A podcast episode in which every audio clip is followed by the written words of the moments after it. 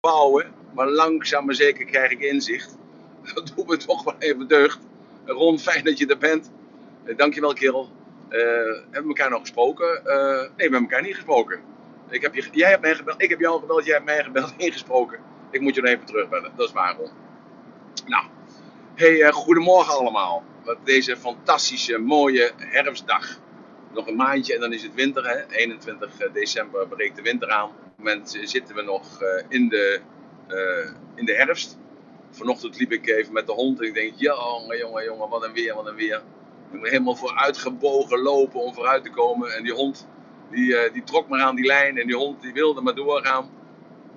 En toen dacht ik in één keer bij mezelf, ja, het is net als het leven. Het zit vaak tegen.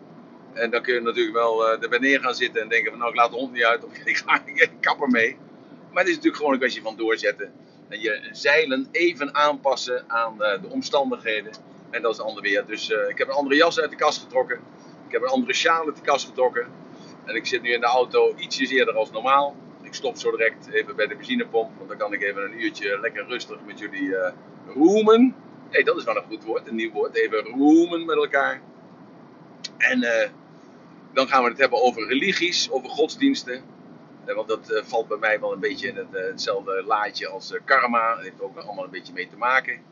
En het heeft mee te maken met overtuigingen. Volgens mij gaan we het daar aanstaande vrijdag nog over hebben. Maar godsdiensten, religies zijn bedacht door mensen. Al gaan we het even over hebben en mijn visie daarop geven. Misschien is hier voor enkele van jullie. maar dat moet je dan maar in het kader zien van die atomen. Hè? Van er is iets, maar het blijkt dus niets te zijn. Er is iets, dat zijn die atomen, die vormen zich tot moleculen. En als je dan dat helemaal afpelt, dan blijkt het helemaal niets te zijn. Nou, dat is misschien met die religie is dat ook wel zo. Maar dat is weer een denkmodel. En vanuit dat denkmodel mag je dan zelf weer aan de slag gaan. En dan mag je denken bij jezelf, nou die man is helemaal hartstikke gek. Of uh, daar heb ik nog nooit over nagedacht. Of ja, daar heb ik wel eens over nagedacht dat het zo zou kunnen zijn. En uh, ja, waarom neem ik dat niet eens even als startpunt van het hele verhaal? En als je dat neemt als startpunt van het hele verhaal van religies, dan kom je misschien tot hele andere conclusies van waar wij op dit moment uh, zitten. En dan ga je misschien ook wel het hele leven, zoals het momenteel door die overtuigingen. Hè? Dus uh, er is dus iets, maar uh, dat bestaat uit niets. En dat, dat niets, dat wordt dus gevormd door onze gedachten. We noemen dat vandaag dan de epigenetica. En dat we dus met onze gedachten, daar gaan we het zaterdag over hebben volgens mij, epigenetica. Dat er dus niets is, maar dat we dus daar iets van maken. En uh, dat is met de religies is dat ook zo. Nou, deze band wordt weer, uh, deze band, sorry neem me niet kwalijk. Deze room wordt opgenomen door Ron, kan ik wel weer zeggen. We hebben gisteren wel, oh ja, maar gisteren wel die discussie gehad Ron. Terwijl ik daar was. Ja, ja, ja, ja, ja. Je hebt me overtuigd van het feit dat ik het niet op de, op de replay moest zetten. Zo was het, sorry Gil. Ik, ik, ik zat net in de auto, ik was een kwartiertje van huis. En toen dacht ik bij mezelf, heb ik de garagedeur nog dicht gedaan? En toen dacht ik bij mezelf, ja nee, ik heb toch gekeken dat die dicht was. En toen dacht ik bij mezelf, ja, maar heb ik dat signaal dan niet doorgegeven dat die dicht was? Toen dacht ik, nou, zou ik nog even terugrijden voor? Ik denk, nee, het beeld heb ik gefixeerd op mijn hoofd, in mijn hoofd, dat de garagedeur werkelijk dicht is. Ik zou willen vragen, wie zou naar boven willen komen om mee over religies, uh, over godsdiensten? Uh, ik heb bewust het godsdiensten genomen, geen religies, uh, omdat het om het godsbesef gaat. En godsdienst zegt het al, hè? godsdienst zegt het al, het is de dienst van God geschreven met een hoofdletter. Is er iemand naar boven die naar boven wil komen die mij wil begeleiden als moderator? Uh, of die mij in toon wil houden? Zou je natuurlijk ook kunnen zeggen. Is er iemand die uh, al opmerkingen heeft op aanmerkingen of me wil verduidelijken in de aanhef? Ik ben er even over een paar minuten ben ik bij de benzinepomp en dan kan ik daar stoppen. Als er niemand is, nou dan, dan denk ik maar dat we gaan beginnen. En ik kijk niet al te veel op de uh, op, op het bordje, op de, op, de telefoon, op de telefoon. Kijk niet te veel daarop, zodat als iemand zijn handje opsteekt, dat, je, dat ik dat niet meteen zie. Dus niet kwaad zijn en dan weglopen of teleurgesteld zijn. Dat ligt, dat ligt bij, echt bij mij. En ik, ja, ik kijk niet voortdurend op dat, op dat beeldje. Want ik ben voortdurend met mijn ogen omhoog gericht. Omdat ik dus visueel ben, heb ik al eens vaker gezegd. En als je visueel gericht bent, dan, dan kijk je naar beelden. En dan, dat is als het ware foto's of filmen. Ik, ik, ik, Karel V bijvoorbeeld of zo, die zie ik als een man zitten met een, grote, een grote lichtreclame erboven. De Karel V, zo kan ik hem dan onderscheiden. En jullie hebben misschien een andere strategie, misschien auditief, dat jullie dat de herhaling hebben geleerd dat Karel V uh, op dat moment leefde en een hele grote krijgsheer was en uh, ja, de hele wereld heeft veroverd, althans de toenmalige bekende wereld. Nou, uh, religie, godsdiensten, waar komt dat vandaan? Nou, dat komt dus vandaan vanuit de gedachten van mensen. Want dat is het wonderbaarlijke, als we geloven in de schepping, dan waren wij er opeens. En geloven we in de evolutie, dan zijn we als het ware ontstaan door de die er genetisch zijn geweest. En als we dan nu de epigenetica langzamerhand gaan geloven, dan hebben we daar zelf dan ook een steentje aan toe bijgedragen. Maar hoe is dan die godsdienst gekomen? Die godsdienst is gekomen door het feit dat mensen toen de tijd in, nog in uh, berenvellen rondliepen. En uh, dat ze uh, elkaar opzochten dat er een, een bepaalde structuur ging bestaan dat mensen bij elkaar konden zijn en dat het gezellig was. Ze zaten om het kampvuur heen. En uh, terwijl ze om dat kampvuur heen zaten, gebeurden er uh, verhalen. En vanuit die verhalen is dat ontstaan, want mensen hebben altijd een behoefte gehad aan een stukje zekerheid die er niet is, maar die bedacht wordt. Dat zijn overtuigingen. En uh, zij wisten dus al een klein beetje van het bestaan van overtuigingen. En ze wisten dat ze vuur konden maken. Ze wisten dat als ze s'morgens uh, van huis af gingen, dat ze s'avonds thuis moesten zijn.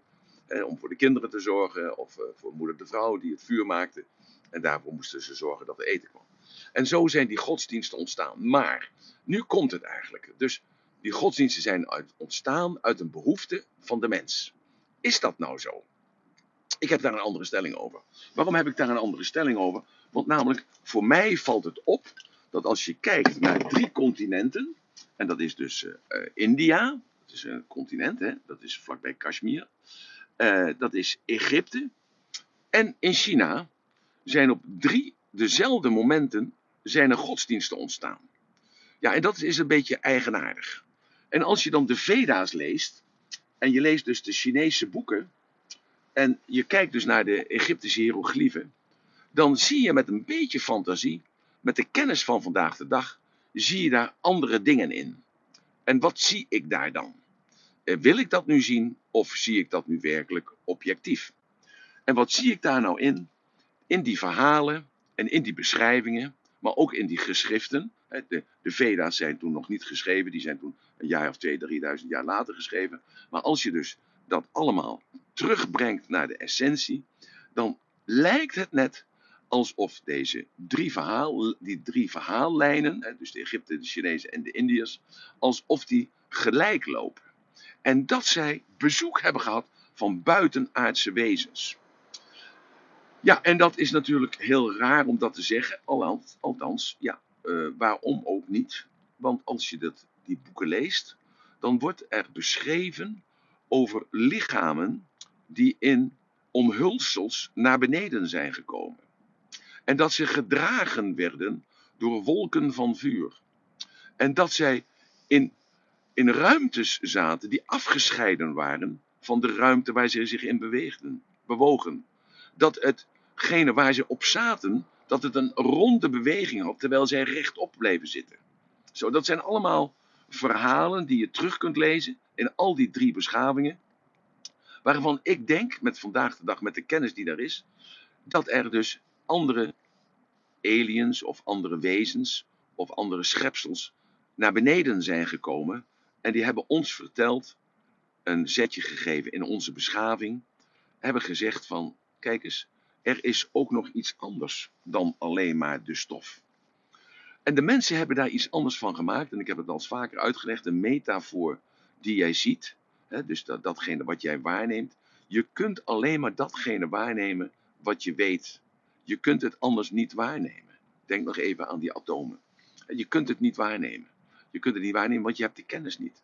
Op het moment dat je de kennis hebt, dan ga je het waarnemen. Met andere woorden, al de geschriften die toen geschreven zijn, de hieroglyphen, de Egypte hetzelfde laken en pak, dat is geschreven, gebeiteld als het ware, en kreeg de betekenis van dat moment. je moet je voorstellen, in India was wel een beschaving. Daar werden al huizen werden daar gebouwd, er was vuur al uitgevonden, de boekdrukkunst was daar. Al die zaken waarvan wij gepretendeerd hebben in de 15e, 16e eeuw dat wij die uitgevonden hebben, die bestonden duizenden jaren daarvoor al reeds. En dat is het rare ervan, dat al die lijnen gelijk lopen en dat nog niemand daar, buiten Erik van Deneken dan, in de jaren 50, 60 van de vorige eeuw, daar aandacht aan besteed heeft. En ik geef dat eigenlijk aan als een, uh, een denkmodel om buiten al die normale kaders om anders te gaan denken. Want als dat nou zo zou zijn geweest, dat dus een kleine 5.000, 6.000 jaar geleden er werkelijk uh, raketten met buitenaardse beschavingen hier op deze wereld zijn geland. En die dus een stukje kennis hebben gegeven. Of die misschien wel net op dat moment eh, de, de aap gecreëerd hebben. Hè, dus de aap die er nog was. Dat die die, uh, maar dat was niet zo, want er waren, toen, er waren toen al mensen. Maar dat die die mensen dus een stukje bewustzijn hebben gegeven. Door een voorbeeld te zijn voor hen. En hen te helpen om in de stof verder te komen. Ik, ik geef dat even aan als een denkmodel voor jezelf. En eigenlijk wat ook als een rode draad door de religies heen zou kunnen lopen. Als je dat in overweging zou kunnen nemen. Er is dus altijd behoefte geweest vanuit dat moment om dat op te schrijven. Waarom? Omdat mensen zich daar goed bij voelden.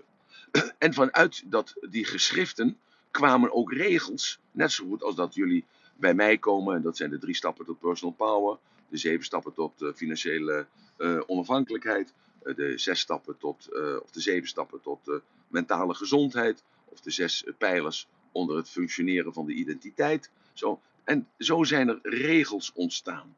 En die regels, die moest je dan uiteindelijk na een paar generaties, moest je die ook vervullen. Want er kwamen namelijk mensen, voornamelijk mannen, voornamelijk mannen, die hebben dat geïnstitutionaliseerd. Geïnstitutionaliseerd. En op een gegeven moment werd het dus een soort moeten. Je moest je aansluiten bij die club, wilde je deel uit kunnen maken van een bepaalde samenleving. Dus er kwam een soort dwang. En we kunnen dat noemen een dogma. Want dat hebben ze namelijk al die, al die, uh, al die, die, die godsdiensten hebben dat gemeenschappelijk. Ze hebben een aantal dogma's waar jij aan moet voldoen. En als je daar niet aan voldoet, ja, dan uh, ja, zul je branden in de hel. Daar, daar komt het dan toch eigenlijk een klein beetje op neer. Dan kom, moet je branden in de hel. Dan word je gestraft. En dat concept natuurlijk, als je daar naar kijkt, bijvoorbeeld, we hebben het gisteren over karma gehad. En dat, als je kijkt naar dat concept van karma, dat is natuurlijk zo mooi in elkaar gezet. Dat, dat kan een simpele geest niet bedacht hebben. En, want dat concept karma, oorzaak en gevolg, heeft voor ons een totaal andere betekenis in onze westerse samenleving. Als dat het toen der tijd, hè, we praten dus nu 5, 6, 7000 jaar geleden, een hele andere betekenis had. Want wat had dat voor een betekenis? De betekenis was deze. Als jij dus het goed hebt op deze in deze tijd, dus anno 7000 jaar geleden, dan, dan die goedheid, daarna komen slechte tijden. En als die slechte tijden niet op deze wereld zijn, dan krijg je dat in een in een volgende reïncarnatie. En dan word je gestraft, dan word je als een worm of je wordt als een, als een slang, je, je zult kruipen of als een vis.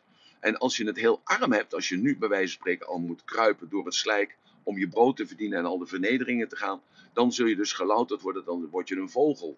Uh, of je wordt een dier wat zich vrij kan bewegen door het bos. Of misschien word je wel een mens. Dat zou dus ook kunnen zijn.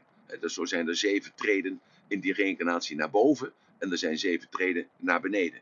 En de bedoeling is natuurlijk dat je door goede daden en door contemplatie en door die meditatie en die momenten dus die je geeft aan het goddelijke, en, en, maar vooral dat je tevreden bent met de situatie waar je in verkeert, dat je daarmee dus kunt accepteren dat je op dit moment moet lijden, maar in een volgend leven, bij de wedergeboorte, dan zul je het veel beter hebben.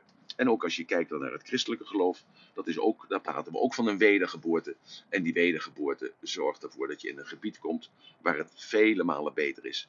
En hoe mooi is het niet dat je in de tussentijd in de hemel bent, waar je niet hoeft te werken, hè, waar je altijd in het licht mag staan.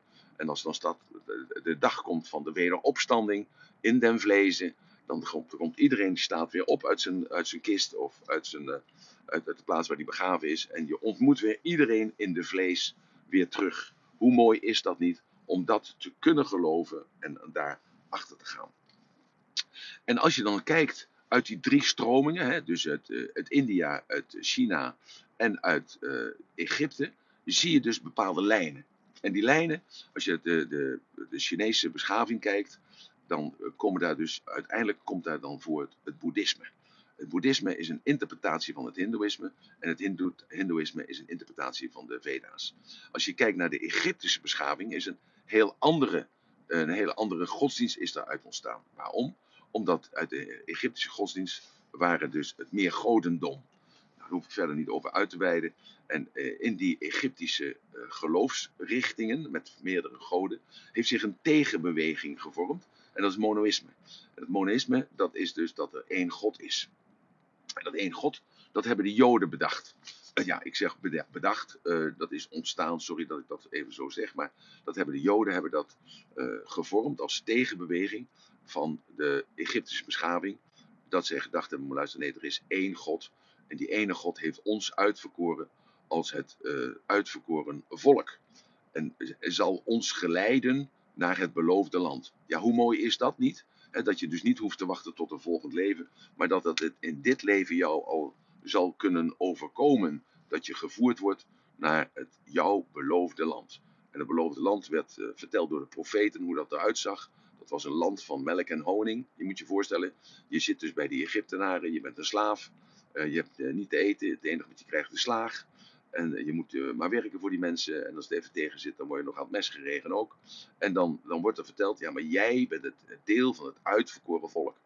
En jij gaat straks terug naar het beloofde land. Dus je kunt je voorstellen, toen Mozes daar opstond. En Mozes was een prins aan het Egyptische hof. En, uh, we kennen allemaal dat verhaal natuurlijk wel. Hè, dat Mozes een Joodse jongetje was. Die werd in een, in een, wandje, in een, in een mandje gelegd. En uh, om dus de, de, moord, de te voorkomen waar de Egyptenaren mee bezig waren. Dat al de eerstgeborenen van de Joodse mensen moesten gedood worden. Uit angst voor de, dat de Messias onder hen was. En zo groeide hij op met de kennis. En uh, ook de beschaving aan het Egyptische hof. Maar er bleef iets knagen. Totdat hij dus zichzelf tegenkwam. Ook een mooie metafoor voor jezelf natuurlijk zou dat kunnen zijn. Dat er altijd een moment komt dat je zelf rechtop gaat staan. En toen heeft Mozes uh, uiteindelijk uh, dus dat beloofde land in zicht gesteld. En heeft gezegd, God zal ons helpen. En zo met de middel van de plagen is hij in staat geweest om het volk uh, door de woestijn te leiden. En toen is het volk is een opstand gekomen. Die heeft dus toen ook een, een beeldenis gemaakt van God, het kalf, het gouden kalf. En daarop heeft Mozes gezegd, God heeft tegen mij gezegd dat ik jullie moet straffen. En we zullen 40 jaar, dat zijn dus in wezen twee generaties, generaties normaal gesproken 20 jaar, twee generaties door de woestijn zullen we gaan voordat we dus bij het uitverkoren, het beloofde land zullen zijn. En zo. En dus als je die lijn verder trekt, dan zie je dus dat daar eh, Jezus dan als de Messias is uit voortgekomen. Daar is het christendom uit voortgekomen. En dat heeft ervoor gezorgd dat dus die beschaving die bij de Egyptenaren waren, is dus dan uiteindelijk is die dan uh, in het Westen verantwoordelijk voor geweest om datgene mee te maken wat we, waar we nu in zitten. Uh, bij de Hindoeïsten, bij de Veda's is dat anders gegaan. Het Hindoeïsme is ontstaan uit de Veda's. En vanuit die Veda's uh, is dat Hindoeïsme ontstaan, sorry neem ik kwalijk. En uh, is daar ook het Boeddhisme uit ontstaan. En dat Boeddhisme kreeg een aansluiting bij de culturele wetenschap die de Chinezen hadden. En daar is het Boeddhisme uit ontstaan. En het Boeddhisme is een zuivere natuur religie. Het is eigenlijk geen godsdienst, ze noemen het ook geen godsdienst. Eh, dat is, een, eh, dat is iets, uh, een logische wetenschap. Dat gaat uit van reïncarnatie. kijk naar een blaadje van de boom, alles komt weer terug, alleen in een andere vorm. kijk naar het lijden. Er kan alleen maar iets groeien als het pijnlijk is. en het, leven is lijden, zoals Boeddha dat zo mooi zei. En daar zijn al verschillende zaken voor om dat op te lossen. Nou, en toen kwam dat, eh, die religie kwam dus naar Europa toe. En dan krijg je dus die versmelting, wat ook dus tijdens de Egyptische beschaving al was. In India was dat ook al zo. En in China ook. Dus die drie hele grote beschavingen werden dus één. Dus de macht, dus de adel, ik noem dat maar voortaan maar de adel, dus de, de bestuurders, je kunt het ook de politiek noemen, maar laten we dat de adel noemen. De adel maakte een conctie met de religieuze leiders, maakte daar een conctie mee. En daardoor, Machiavelli zegt altijd, verdeel en heers. En uh, Stalin zei al, de godsdienst is het opium voor het volk. Het verdooft het volk. Dus dat kun je gebruiken. Maar je kunt het ook weghalen. Ter eerdere meer glorie van jezelf. En zo uh, hebben dus die twee een conctie gesmeed. Dus de adel samen met de religieuze leiders. En hebben dus bedacht, hey, we kunnen dat systeem wat we hebben bedacht, want het is een systeem wat we hebben bedacht, dan kunnen we de mensen rustig houden. Kunnen we rustig houden. En uh, kunnen we ze voor de kar spannen. En kunnen we ze dus uh, een toekomstbeeld geven, zoals wat wij vandaag te noemen dan een compelling future. Wij geven hen een compelling future. Maar in die compelling future moeten ze eerst een aantal daden verrichten. En die daden zijn dus uh, taken verrichten voor de adel. Dus dat was het geld, dat was de politiek. Zo. En ze moesten daden verrichten voor de religieuze leiders, te weten voor de tempels of de kerken. En als je die bril opzet en je kijkt naar kerkgebouwen, je kijkt naar tempels die gebouwd zijn honderden jaren geleden. Kijk eens naar de Sacré-Cœur, dus je vertelt dat is eind uh, 19e eeuw is die gebouwd. Maar je kijkt bijvoorbeeld naar de Notre-Dame, die is er 200 jaar daarvoor gebouwd. Je kijkt naar het Vaticaan, wat in de jaren 1500 gebouwd is, 500 jaar, 600 jaar geleden. Je kijkt naar alle kerken die je ziet, of dat nou in Sittard is, of het is in, uh, in Rolde, dat maakt niet uit. Die zijn allemaal honderden jaren oud. En als je dan bedenkt dat al die mensen toen de tijd heel slecht hadden. Die hadden het echt heel slecht. Ze hadden nauwelijks te eten. Ze, uh, er was geen geld om hun kind te laten studeren. Maar er was wel tijd en er was wel geld om die grote gebouwen te, te bouwen. Want dat was ja, vervulling van die compelling future. En die mensen die, uh, die deden dat dan ook met heel veel liefde en plezier. Nou, dus dat is eventjes, ik wil even dus een ander perspectief over godsdiensten neerzetten. En ik wil even vragen of er iemand is die naar boven wil komen, die wat aan wil vullen. Of die uh, ja, misschien mij wil uh, corrigeren. Of een, een andere beeld hiervan wil geven. Of uh, iets anders, een andere insteek wil, wil geven. Om mij verder te helpen in het gesprek. Zodat het ook een andere kant op kan gaan. Is er iemand die naar boven kan komen? Dan, dan kijk ik nu even naar mijn telefoon of er handjes zijn. Er zijn geen handjes. Oké. Zo. Wat we zien, ik maak even een grote stap. Uh, en dat is naar deze tijd. Uh, we kunnen wel even teruggaan naar uh, al die, hoe het ontstaan is allemaal. Zoals ik dat dan gezegd heb. Maar het gaat nu om nu. Het gaat om nu. En als je kijkt naar nu, dat er heel veel mensen zijn die geloven niet meer in iets. En houden zich daar niet meer aan vast. En dat is die transitoperiode. Die periode waar we nu in zitten. Dat we het zelf uit moeten zoeken. We luisteren niet meer naar de leiders met de korte ei, die ons vertellen dat er een compelling future is. Nee, die compelling future moeten we ons zelf inbeelden. En dat, dat, dat is heel moeilijk. Dat is heel moeilijk, want we hebben dat niet geleerd. Want in de tijd, als je, we, we hebben het even eerst over duizenden jaren. Als we het in de tijd zien, in de jaren 50, 60, 70, toen werd het ietsjes minder. Maar toen was het heel normaal dat, uh, ja, dat we allemaal naar de kerk gingen op zondag. Het was heel normaal dat de winkels gesloten waren op zondag. Het was heel normaal uh, dat je uh, zes dagen werkte en de zevende dag was in ten dienste van de Heer. Dus als je naar de Bijbelbelt gaat, hè, of je gaat naar Staphorst, dan zie je nog precies datzelfde symptoom. En in dat kader gezien hebben die geestelijke leiders, die dus al duizenden jaren dat verhaal verteld hebben, hebben het heel moeilijk. Maar wij zelf ook, want in het collectieve bewustzijn zit natuurlijk al die, uh, al die uh, al, al, die uh, ervaringen zitten dus in, die, in dat collectieve bewustzijn. Dus ook in dat collectieve bewustzijn zit dat godsbesef. dus daarom hoor je mij vaak praten ook over het licht, of over het al, of de energie, hè, of het vader- en moederprincipe, of de opperbouwmeester van het heelal. Omdat dat ook in onze tijd makkelijker visualis visualiseerbaarder is. We, kijken niet meer naar het kruis, uh, uh, we, we, bidden niet meer voor het tabernakel. De, het kruis hebben we weggegooid, of misschien hangt het nog heel ergens. Maar als je heel diep bent, als, je heel, als de nood het hoogst is, dan leert men bidden. En dat komt uit dat, uh, dat, dat collectief, dat collectieve bewustzijn. Dus het zit er nog in. En daar wil ik graag over discussiëren met jullie. Van, zit dat nog in dat bewustzijn, in het collectieve bewustzijn? Of is dat juist niet zo? is het zoiets dat het goddelijke nog echt bestaat. Want de wetenschap heeft uitgevonden dat er een klein stukje in onze hersenen is, die dus kan ontwikkelen, die kan ook overontwikkeld zijn. dat zijn mensen die zijn godsdienstwaanzinnig, dan is dat stukje is volledig uh, ja, uit, haar, uit zijn balans geraakt en is dat overontwikkeld. Dus deze mensen leven als het ware in de Heer. En men heeft bemerkt, als men stroomstootjes toevoegt aan dat religieuze stukje daarboven in de hersenen, dan word je geloviger. dan heb je meer behoefte om uh, die kennis tot je te nemen en je wenden tot het Almachtige. En halen ze dat stroompje weg, dan verdwijnt ook die behoefte. En, en zo wordt godsdienst dus iets, um, ja, zo wordt godsdienst dus iets uh, zichtbaars. Want het is een stukje in je hersenen. En dat is dat religiestukje. Ja, en dan, uh, als dat dan zo is, maar ja, diezelfde wetenschappers hebben verklaard dat er geen uh, vrije wil is, en dat weiger ik ook te accepteren. Waarom maak ik dan hier dan me wel druk om dat dat zogenaamde stukje, dat religieuze stukje, dat dat geactiveerd kan worden of gedeactiveerd kan worden?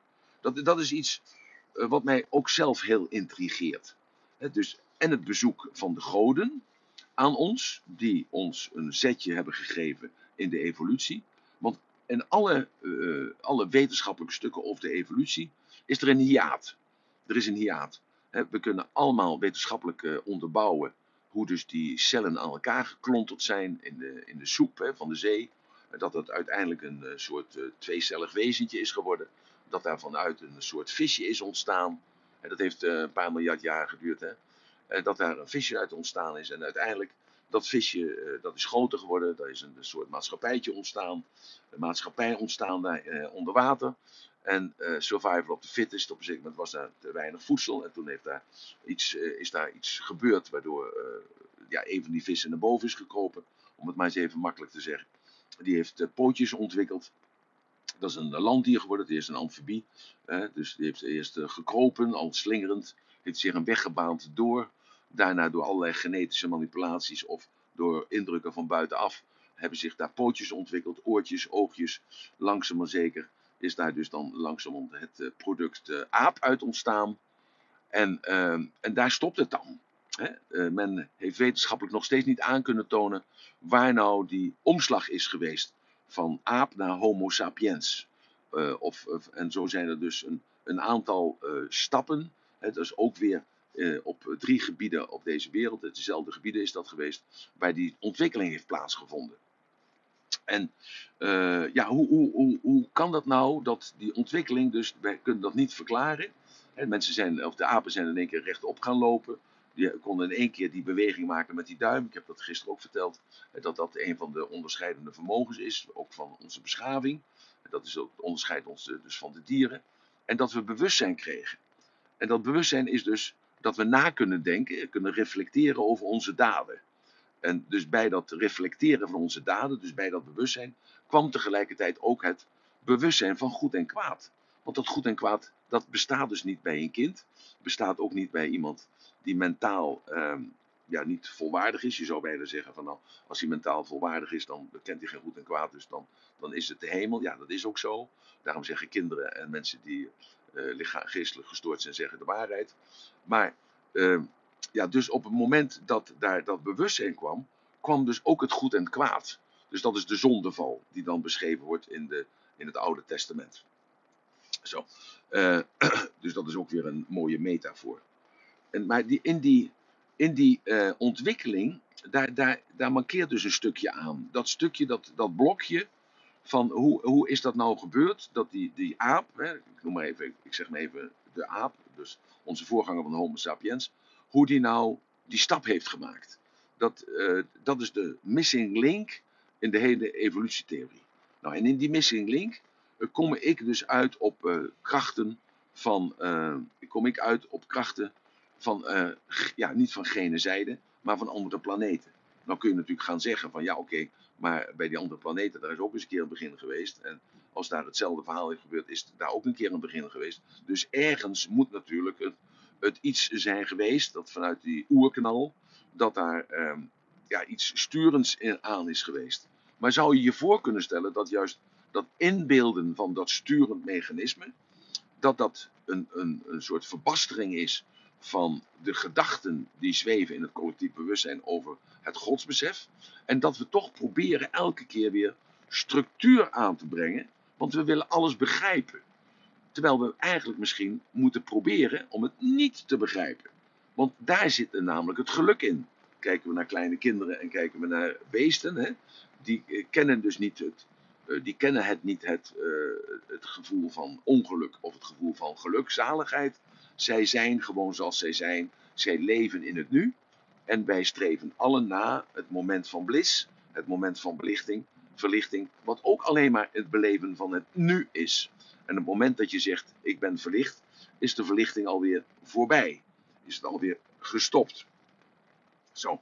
En in deze, uh, in deze zienswijze die totaal anders is, stel ik jullie dus dan ook die vraag. Hè, dus ik wil verwarring scheppen bij jullie. Dus dat die zekerheid weggehaald wordt. Uh, zou je kunnen accepteren dat er A. Een, een buitenaardse invloed is geweest. Die dus verklaart die missing link tussen de aap en de Homo sapiens. Dat is één.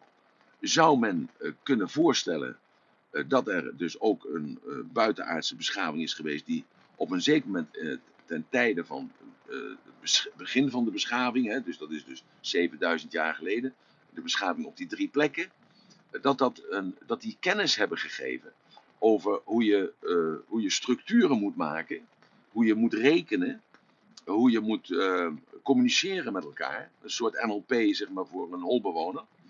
En dat zij hen bij de hand hebben genomen. En dat zij hen zo opgevoed hebben. En dat zij dus zo vanuit het niets, hè, want dat is dus eigenlijk ook weer, hè, vanuit het niets, is die beschaving ontstaan. Daar, en we, kunnen dat nog wel terugleiden, maar uh, op een zeker moment hebben die, hebben die Egyptenaren die piramides gebouwd. Uh, en op een zeker moment hebben dus de, de Chinezen 5000 voor Christus uh, de klok uitgevonden. En uh, de boekdrukkunst en, en, en, vuurwerk gemaakt. En ik, komt dat dan maar zo uit, uit, uit het niets voort?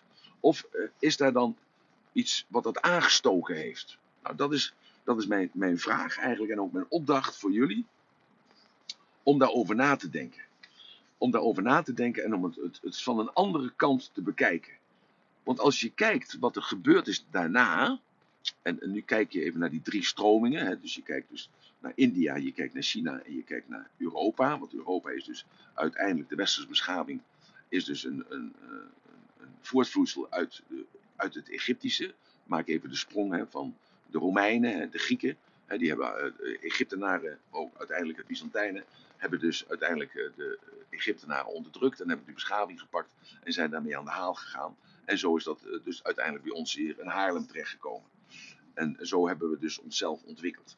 Zo, dus ik geef, ik geef die lijn aan. En dan zie je dat er dus vreselijk veel oorlog is gevoerd. En die oorlog is gevoerd ook uit de naam van God. Ook met de islam zien we dat ook. Hè, en we zien dat de kruistochten. We zien dat de, de dat was toen in de jaren. Zijn ze, dat was in 14, 1500 zijn ze opgerukt tot aan Wenen. Dat is de oorzaak dat er in Wenen zoveel van die kleine cafeetjes zijn. Die hebben daar de koffie gebracht. En dat, dat heb je ook in, in China meegemaakt, want zo is China ontstaan. Want China is niet altijd dat land geweest wat het nu is. Nee, dat waren dus, net als in Europa, uh, bijvoorbeeld in, uh, in Italië waren 39 koninkrijkjes. En in Spanje was dat idem dito. En in Duitsland waren er ook verschillende staten. En die staten die zijn pas eind vorige eeuw nee, sorry, dus eind uh, 1900 zijn die bij elkaar gevoegd. Hetzelfde is in Italië het verhaal.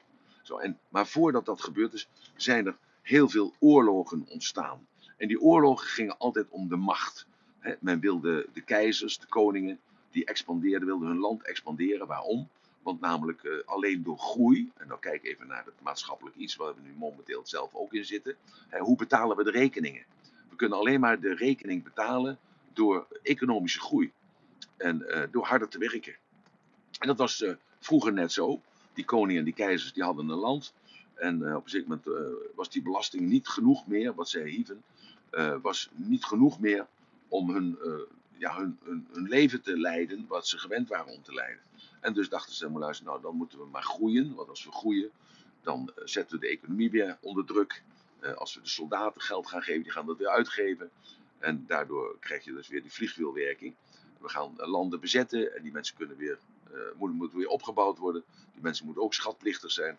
En zo kunnen we dan weer verder gaan met onze economische welvaart. Zo, dus het, het, het, het, het, zicht daarop op godsdienst is misschien heel negatief, zou je kunnen zeggen. Maar misschien geeft dat juist een hele andere blik. Omdat namelijk de kerk heeft daarin, ook in deze expansie van landen, een hele grote taak gehad en verricht. En waarom? Want namelijk ook zij wilden meer macht. Als je kijkt, ik heb het al eerder gezegd, je kijkt bijvoorbeeld naar het Vaticaan. Ja, dat is dus een, eh, een concept van 2000 jaar geleden. En uh, ja, is gewoon een soort multinational. En die heeft, houdt het 2000 jaar vol. Dat is natuurlijk een, een, een gigaprestatie. Een gigaprestatie. Dat, dat die organisatie nog steeds, wel een klein beetje in een andere vorm, maar in grote lijnen nog steeds in dezelfde vorm, dat die nog bestaat. Uh, datzelfde kun je kijken naar het Jodendom. Hè. Die compelling future is er nog steeds, want zij geloven niet dat Jezus, de Messias, uh, opgestaan is. Dat geloven zij niet. Die moet nog komen. Het moment moet nog komen dat de hemel zich splijt. En dat is met de christenen is dat hetzelfde laken en pak. Dus de, de, de, de wederopstanding, het eind der tijden, is nog niet aangebroken.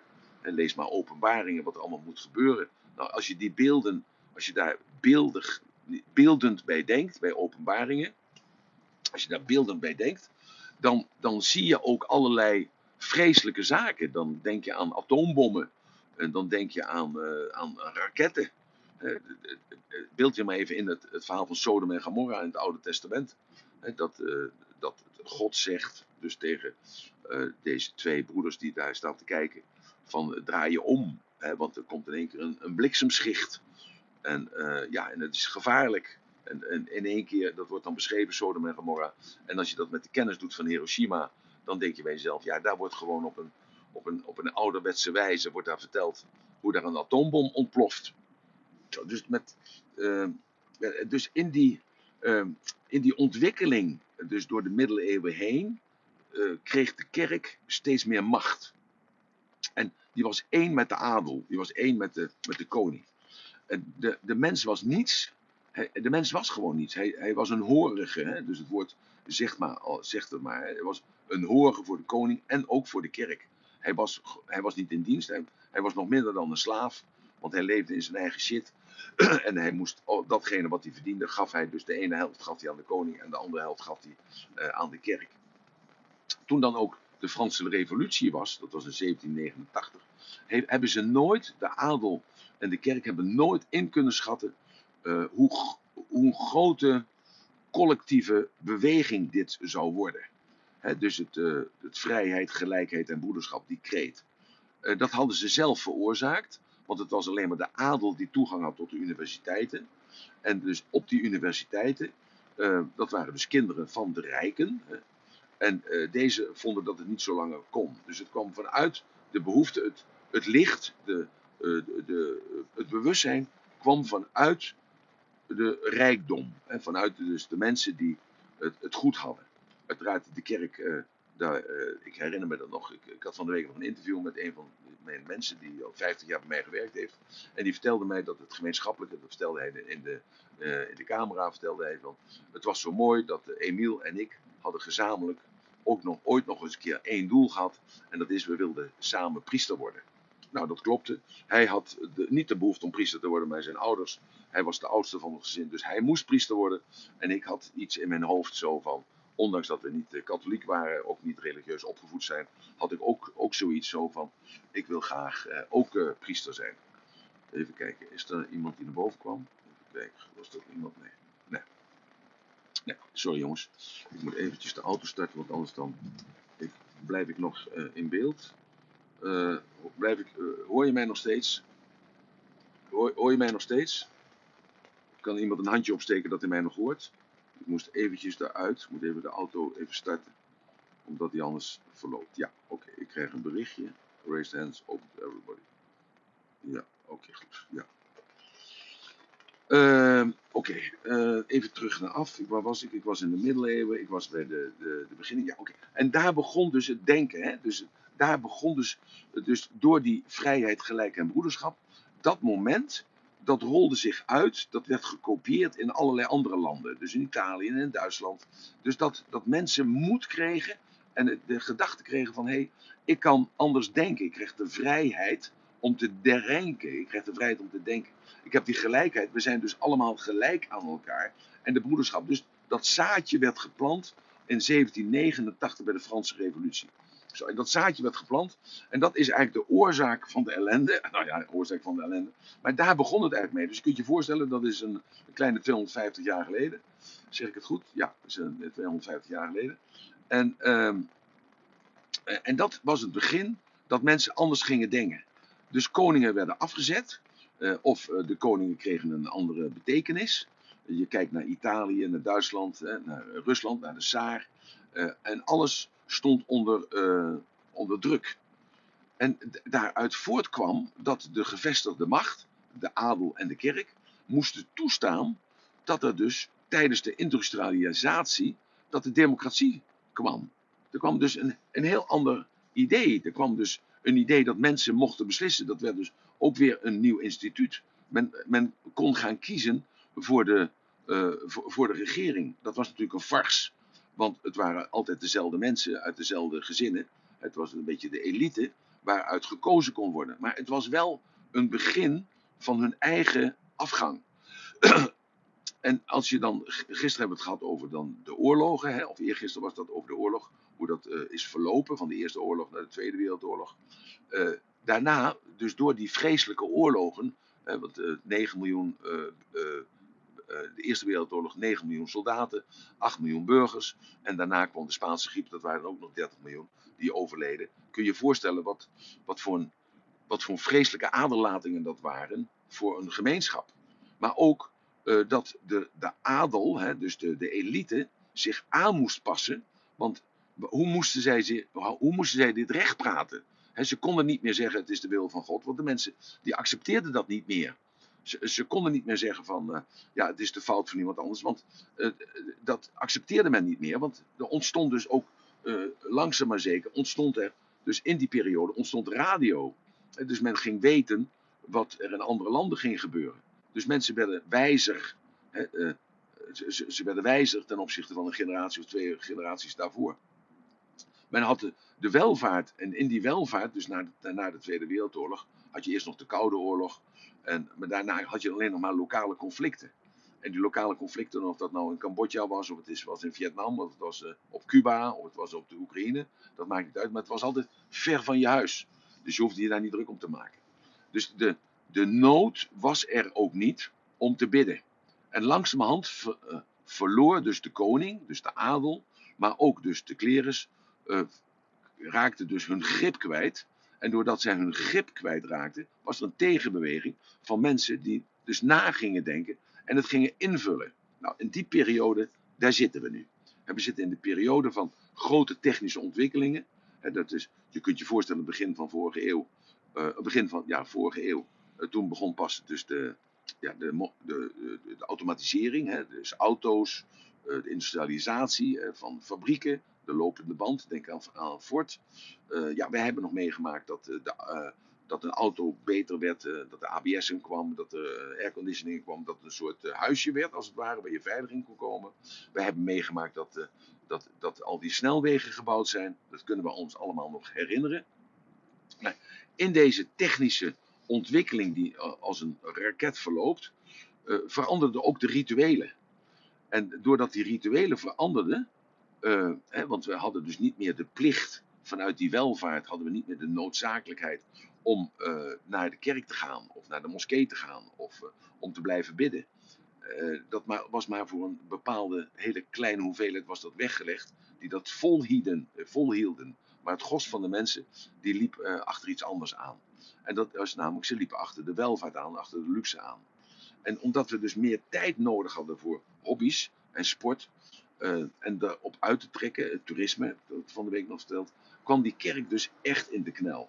En daar kwam dan bij, dat door, door, de transparantie, dat, dus de, dat we erachter kwamen dat, dat, ja, dat die priesters en die monniken en dat die nonnen ja, ook allemaal uh, foute dingen hadden gedaan in het verleden. Waardoor dus die, die trek uit de kerk nog alleen maar sterker werd. En al datgene wat die mannen en vrouwen vertelden, dat we dat steeds minder serieus gingen nemen. Nou, toen kwam er dus dan eh, in 1962, eh, dat weten de meeste mensen van ons, nou, van ons nog wel, dan kan je de provies, de provo's en de hippies. Ja, en toen was het eigenlijk het helemaal het hek van de dam. Eh, ik herinner me nog Woodstock. En ja, toen LSD en marihuana werd geaccepteerd. En dat was allemaal maar normaal dat dat allemaal kon. En dus de kerk kwam steeds meer op, steeds meer op de achtergrond. En nu dan? Wat gaan we dan nu doen? Wat gaan we dan nu doen? Is God, bestaat hij? Is het waar dat Mohammed contact heeft gehad met God en dat Mohammed de laatste profeet is? Is het waar dat Jezus de zoon van God is en over het water liep en een mandje van brood en vis had en daar een paar duizend mensen van te eten heeft gegeven? Is het waar dat hij gekruisigd is met de betekenis dat hij uh, gekruisigd is en gestorven is en weer opgestaan is voor de zonden van ons allemaal? Of is dat alleen maar een bedenksel? want we weten natuurlijk ook wel dat de Romeinen die schreven alles op. Alleen dit heeft eh, Pontius Pilatus niet opgeschreven. Dat hij dus iemand gekruisigd heeft terwijl hij het daar helemaal niet mee eens is geweest. En dat is natuurlijk wel heel raar als je het dan zuiver klinisch bekijkt. Dus mijn vraag aan jullie is: ja, geloof je dat nog? Geloof je nog in die dogma's dat je dit moet doen en dat je dat moet doen om heilig verklaard te kunnen worden en dat je één kunt worden met de geest? En, uh, of denk jij nu langzamerhand dat dat allemaal modellen waren die golden voor die tijden, toen er geen welvaart was, toen er geen auto's waren, geen vliegtuigen en dat we ons niet konden verplaatsen, al was het virtueel, hè, maar dat je dus uh, daar in een hutje op de hei zat en uh, ja, bedreigd werd door beesten. En dat je blij was dat je bij het open haardvuur stond.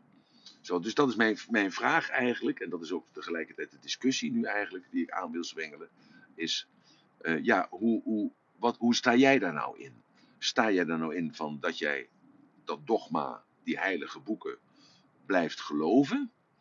Pak je alleen uit die heilige boeken datgene wat jou bevalt? Uh, denk jij dat dat in het uh, collectief zit in het collectieve bewustzijn zit, zodat je daar toch nog naar neigt om daaraan terug te vallen. Maar vandaag, over uh, drie generaties, over 60 jaar, zal dat zeer zeker niet zo zijn. Dan zijn dat fossielen die zich daaraan vasthouden. Of is het godsbesef een bedacht concept om je juist sterker te voelen? Uh, ja, hoe, hoe, hoe zit jij daarin? Is er, is er iemand die daar iets over wil zeggen? en daar iets over wil vragen of iets wil toe voegen. Ik zie helemaal geen handjes. Is het een zo dermate zwaar... Ja, toch, Jitka. Jitka, invite to speak. We sent hem an invitation. Als het goed is, moet je naar boven komen. Sorry. Oh ja. Oh nee, Jitka kan, kan ons niet, nee, kan niet komen. Dus dat wordt de volgende keer. Oké, Jitka, dan heb ik het verkeerd geïnterpreteerd zeker. Jessica, invite to speak. Eens kijken of dat lukt. Ja, Jessica, je bent er. Ja, ja goedemorgen Emiel. Goedemorgen Jessica. Goedemorgen. Ja, goedemorgen. Nou, dat ja. was mijn vraag eigenlijk. Hoe, hoe zie jij dat? Uh, ik, ik, heb nu uh, geprobeerd die religie, die godsdiensten, in een, verband, ver, een bepaald verband te zetten. Uh, en, en nu is eigenlijk de tijd daar dat we geen godsdienst meer nodig hebben, zou ik bijna zeggen. Ja, nou dat zie ik eigenlijk ook zo. Want voor mij persoonlijk leidt eigenlijk alles en de oplossing ook naar één ding. Uh, wat ik meemaak uh, met cliënten van mij, waar conflicten ontstaan, waardoor conflicten ontstaan en wat daar in de oplossing is. En dat is uh, in mijn, naar mijn idee, is dat dankbaarheid. Want mensen die in dankbaarheid leven, ervaren minder conflicten en minder ziektes en minder lasten. En waar je die dankbaarheid dan ook weghaalt uit welke re religie, maakt niet uit. Maar het leidt allemaal naar jouzelf, hoe je er zelf mee omgaat. En als je in dankbaarheid leeft, heb je gewoon, is dat bewuste brein, uh, dat ego ook veel minder sterk. Want weet je, dat krijgt geen ruimte als er dankbaarheid is. En dan is er minder conflict. Dus dan is er minder, er zijn er minder problemen. Ja. Ja, uh, Ayoub uh, heeft een handje opgestoken. Probeer hem even omhoog te halen als het lukt. Ayoub, heb je hem te pakken? Ik heb nog wel een voorbeeld, want Ja. ik eh, werk met eh, bijvoorbeeld dames die last hebben van opvliegers. Die in die menopauze zitten met alle ja, problemen daarin. En de grap is, ik had gisteren een eh, masterclass eh, biologica en daarin werd ook weer duidelijk dat ehm, de, onze westerse wereld heeft daar van dit soort problemen. En laatst was er ook van Caroline Tens een heel programma en ze heeft ook een boek geschreven daarover. Ehm, veel meer problemen hierin, in deze periode eh, in, eh, in, in, in de westerse wereld. Hè, de dames in de westerse wereld, die ervaren veel meer problemen dan dus in de oosterse wereld. Want die Ja. ontvangen heel anders. Ben je er nog? Ja, ik ben er nog. Ja. En, en, dat, en, dat is, en dat is natuurlijk ook, ehm, dat is een feit. Dat is een resultaat van de manier waarop de mensen ermee omgaan. En waardoor zij veel minder problemen ervaren. Eh, want eh, je kan je altijd afvragen, als er een verschil is, waarin zit hem dat verschil dan? En hoe komt dat verschil dan? Hè? Nou, dat, dat leidt eigenlijk ook allemaal terug naar dankbaarheid. Van het Ja. ontvangen van hoe het je gegeven wordt. En het er blij mee zijn en er gelukkig mee zijn. Is dan niet elke religie, is dan dat ook daar niet op gebaseerd? Als ik even terugkijk naar bepaalde regels. Hè, want die regels zorgen ervoor dat je een bepaalde staat van zijn eh, herkent in jezelf. En die staat van zijn is dan ook dankbaarheid met jezelf. Het is alleen Ja. een andere weg er naartoe. Ja, heb je het, eh, het, het, het concept, ja dat klinkt misschien heel onaanbiedig. Het concept God, heb je dat dan daar nog bij nodig? eh, in, in mijn idee niet. Ik, eh, ik heb nooit een bepaald geloof specifiek aan, aangehangen. Zeg maar. Ik haal de dingen eruit waar ik me in kan vinden. En ja, dat, dat, eh, maar dat is eigenlijk wat alle geloven teachen. Uiteindelijk teachen ze allemaal hetzelfde en dat is dit. Ja, dat is, ja, maar dat is natuurlijk weer een, een eigen invulling. Eh, dat is goed, hè? ja, Eh, maar- en dat is, ja, nee, maar dat is dus de luxe die we natuurlijk hebben. Dat we dus nou daarover kunnen praten zelfs. Hè? Want dit was natuurlijk 50 jaar geleden was het ondenkbaar om daarover te praten. Dus we praten er nu over. En, en ik probeer gewoon, het, het is natuurlijk heel moeilijk om, om hier een stelling over te nemen. Ik trouwens, ik had net gedrukt bij, bij meneer eh, eh, Ayoub, maar die eh, zegt, eh, ik, ik, kom straks nog een keer naar boven. Ik wil nu even niet. Oké. Eh, eh, ja, dat, dat is natuurlijk de hele discussie. Eh, eh, de, de ander in zijn waarde laten. Iedereen heeft recht op zijn eigen werkelijkheid. Ehm, hoe, hoe ga je daarmee om? Eh, als, je volgens als je uit dogma's komt, dan kun je die anderen niet ehm billiken. Hè? Want dat dogma verbiedt jou dat. Want jij hebt het enige, het enige juiste, verkondig jij. Eh, Jij bent lid van die club en die club die heeft de wijsheid in pacht. Eh, dat pretenderen ze ook. Daarom hebben we dat, ook het concept christenen. Hè. We, we gaan naar buiten toe en we gaan andere mensen gaan we overtuigen van ons eh, gelijk. We gaan hen bekeren, heet dat dan. Dat is het misme. En, ehm, ja, en, en zo eh, ontstaat dus een, een grotere macht. Of juist niet kijk naar de Jehovah-getuigen die de voet tussen de deur zetten. Of de Mormonen hè, uit Amerika die dezelfde technieken doen. Ehm, en dus dan niet passen in dit wereldbeeld, zou je bijna zeggen. Maar is dat wereldbeeld wat, wat jij dan aanhaalt, eh, eh, Jessica, en eh, waar ik ook eh, wel achter sta hoor, maar, en, maar ook de, de discussie wil stellen, is, is dat wereldbeeld dan wel productief? Is dat productief? Eh, Want je haalt even aan van in Oosterse eh, gemeenschappen zijn veel minder problemen, in ieder geval andersoortige problemen als bij ons. Er zijn heel veel mensen die eh, zijn hier overspannen, hebben burn-out. Heeft natuurlijk niets te maken met hun werk. Hè, want dat kun je gewoon, eh, dat is een subjectieve ervaring, dat kun je gewoon veranderen. Maar er, Dat het lijkt de productiviteit naar beneden, zou je dan ook kunnen zeggen? Eh, ja, er is een soort collectieve ontevredenheid, zou je ook kunnen zeggen. En als die godsdienst die heeft altijd daarvoor gezorgd dat eh, we toch altijd mak bleven. Eh, en, en dat we luisterden naar, eh, ja, naar eh, de regels. En als je, niet, ja, als je niet een schaapje was wat die regels volgde, ja, dan had je toch een probleem. Want dan werd je sociaal werd je dan wel teruggedrongen in de kudde. En dat is nou natuurlijk niet meer zo. Dus je zou ook kunnen zeggen dat, dat die godsdienst ook heel functioneel is. Want het, we zijn natuurlijk niet allemaal sterke geesten die dat uh, kunnen verwerken. Nou ja, dus... ik, ja, ik geloof zeker dat de godsdienst heel functioneel is. Het is, het is fijn om, voor mensen om houvast te hebben in, in, in een geloof. En uh, als ze het niet uit zichzelf kunnen halen, om zich ergens aan vast te kunnen houden. Om daar de krachten en, en alles uit te halen en de wijsheden. En uh, uiteindelijk vind je die, diezelfde wijsheden dan, eh, mijn inziens, ook dan in jouzelf. Ja. Nee, maar...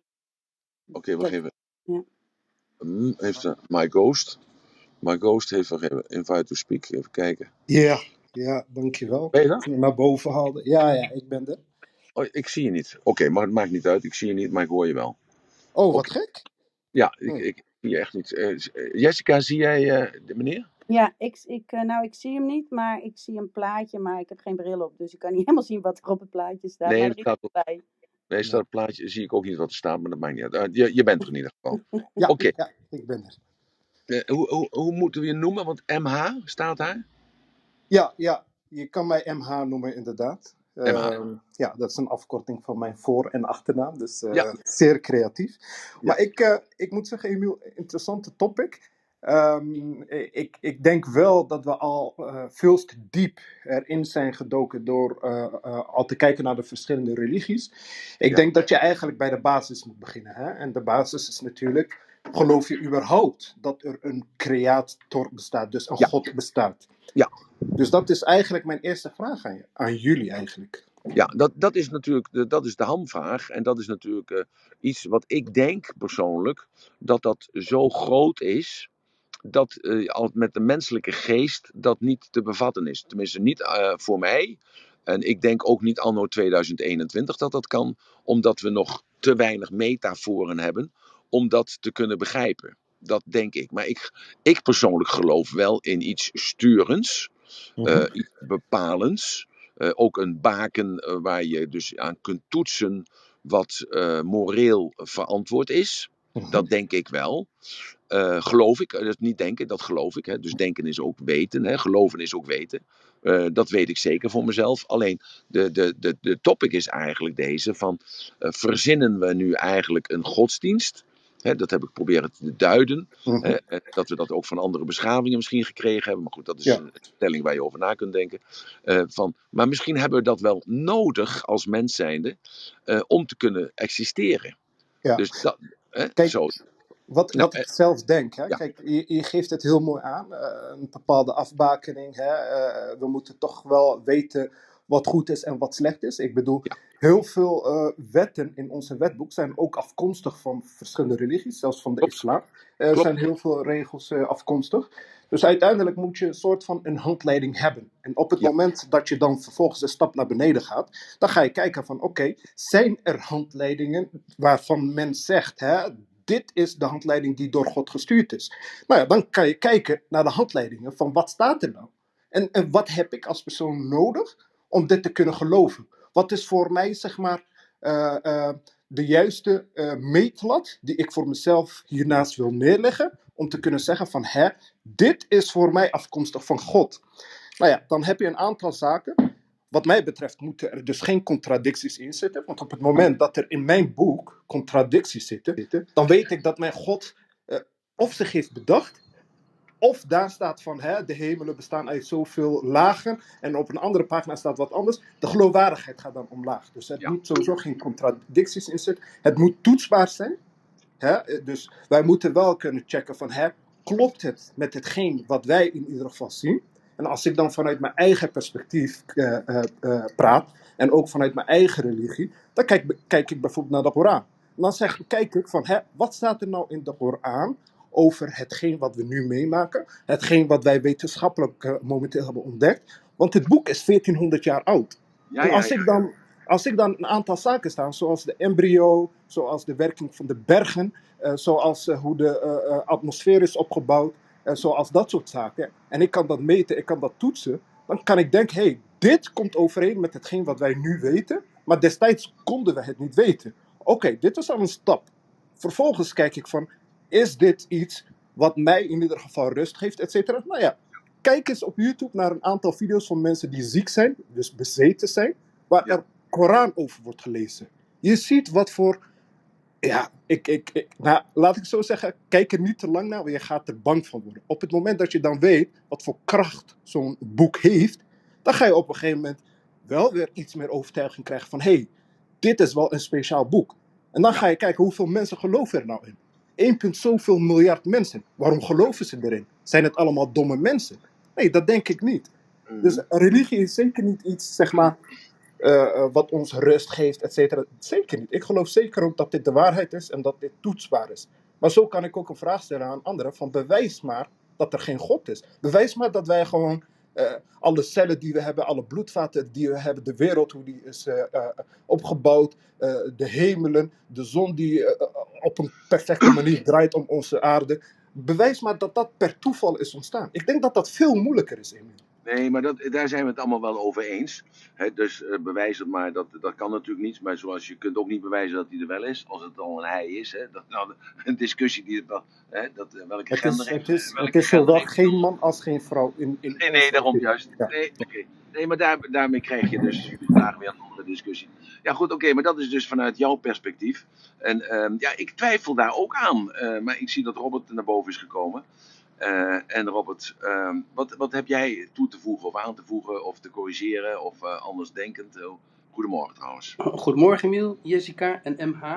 Ehm fantastisch Emiel, zoals je het weer in normale woorden en begrijpelijke zinnen allemaal weet te brengen. Dit soort, wat ik toch vind, hele ingewikkelde materie. Waarom is het ingewikkeld? Ehm, omdat geloof iets heel persoonlijks is. En wat is geloof en waar geloof je dan in? Dat is aan ieder voor zich. Ehm, maar als je kijkt naar waar je het over had, hè, over de Bijbel, over de Koran. ehm, die boeken, ehm, en het maakt helemaal voor mij niet uit waar die boeken vandaan komen, wie ze heeft geschreven. Die boeken die komen heel erg veel overeen, die geschriften. En waarin komen ze overeen voor mij? Eh, in het feit dat ze bieden allemaal deugden en plichten. En in die deugden en plichten en in de verhalen, de verhalen die het vertelt, eh, daar, uit die verhalen zit een bepaalde moraal. En die moraal, dat maakt het mogelijk om samen met die deugden en die plichten jezelf te toetsen waar je staat. Dus je maakt iets mee in je leven en je pakt eh, eh, een geloofsboek en je zoekt dan al naar iets wat je bezighoudt en dan zal je iets vinden. Dat is het knappe van de wijze waarop die boeken zijn geschreven. Als je met iets zit, vind je altijd iets terug wat jou kan helpen. Wat jou op een bepaalde manier op de weg zet. Ja. En eh, zo biedt zo'n boek, en dan kom je bij geloof, hou vast. Maar daarnaast biedt de boeken, dit soort boeken, dus geloofsboeken, maar ook wat er omheen zit, dat zijn dus de kerken, en dat zijn dus ook, eh, eh, hoe wordt het? De moslim. Ja. ja, die, die bieden jou ook orde. En de, de menselijke behoefte gaat uit, daar zijn er ook maatschappijen, altijd naar een orde. Een orde dat eh, wat mensen in st- in staat stelt om een soort wereldbeeld te krijgen, waar zij zichzelf in kunnen plaatsen en waar, wat zij, waarin zij zelf zichzelf kunnen toetsen. Nou, en dan heb je de, de meest belangrijke dingen in het leven is geboorte en overlijden. Nou, als je ziet hoeveel kracht je kan halen uit eh, dit soort geloofsgeschriften, op het moment dat het dus echt om gaat, is dat bijna onvoorstelbaar.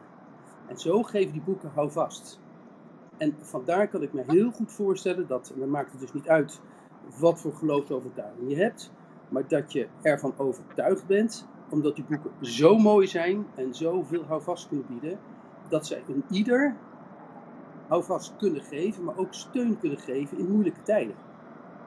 En in goede tijden kan je er zelf aan toetsen, als je dat wil. Ja, dus met andere woorden, wat je eigenlijk zegt, hè, als ik tenminste dat even zo vertaal voor mezelf dan, dan zeg jij, eh, dan gaat het nog niet zo allemaal om de, eh, dan gaat het niet allemaal zo om eh, het geloven, maar dan gaat het dus om de functionaliteit van zo'n boek, waar je dus kracht uit kunt halen.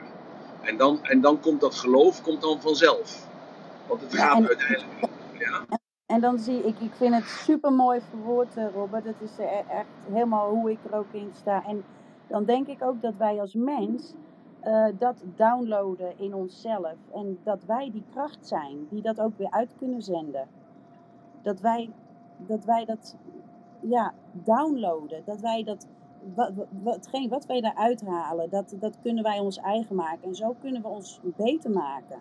En ehm, krachtiger maken. En energieker maken. En functioneler maken. Enzovoort. Ja. Kijk, wat MH zegt, ja, maar wat MH zegt is natuurlijk ook zo. Hè?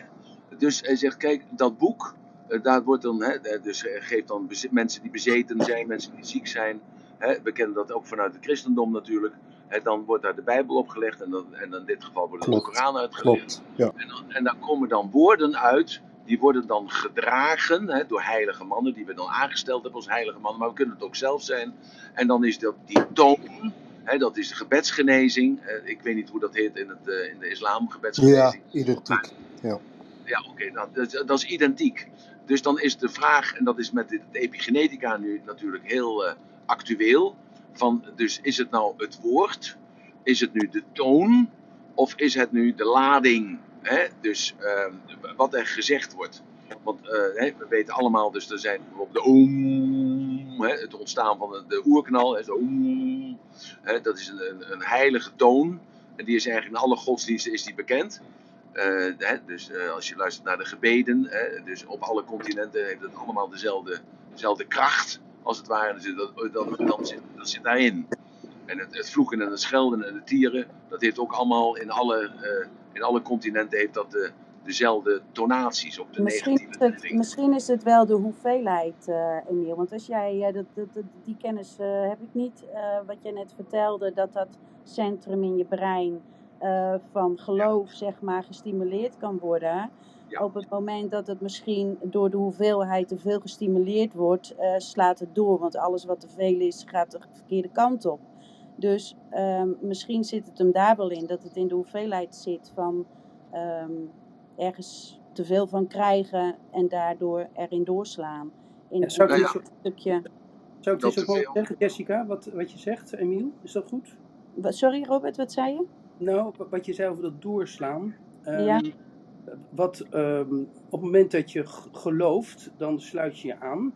En dan ehm, ga je het geloof beleiden. En dat kan je alleen doen. Maar meestal zie je dat, dat mensen dat samen willen doen in groepen. En daar zit natuurlijk een functie achter. Hè?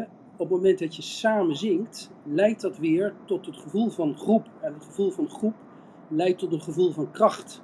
Hè? Als je in een groep bent, neemt je onzekerheid af. Ja. Dus zo kunnen groepen mensen die eenzelfde geloof of eenzelfde overtuiging hebben, en eh, die kunnen elkaar ongelooflijk steunen. En in dat steunen hebben ze dan het houvast, en dat is dan het geschreven woord.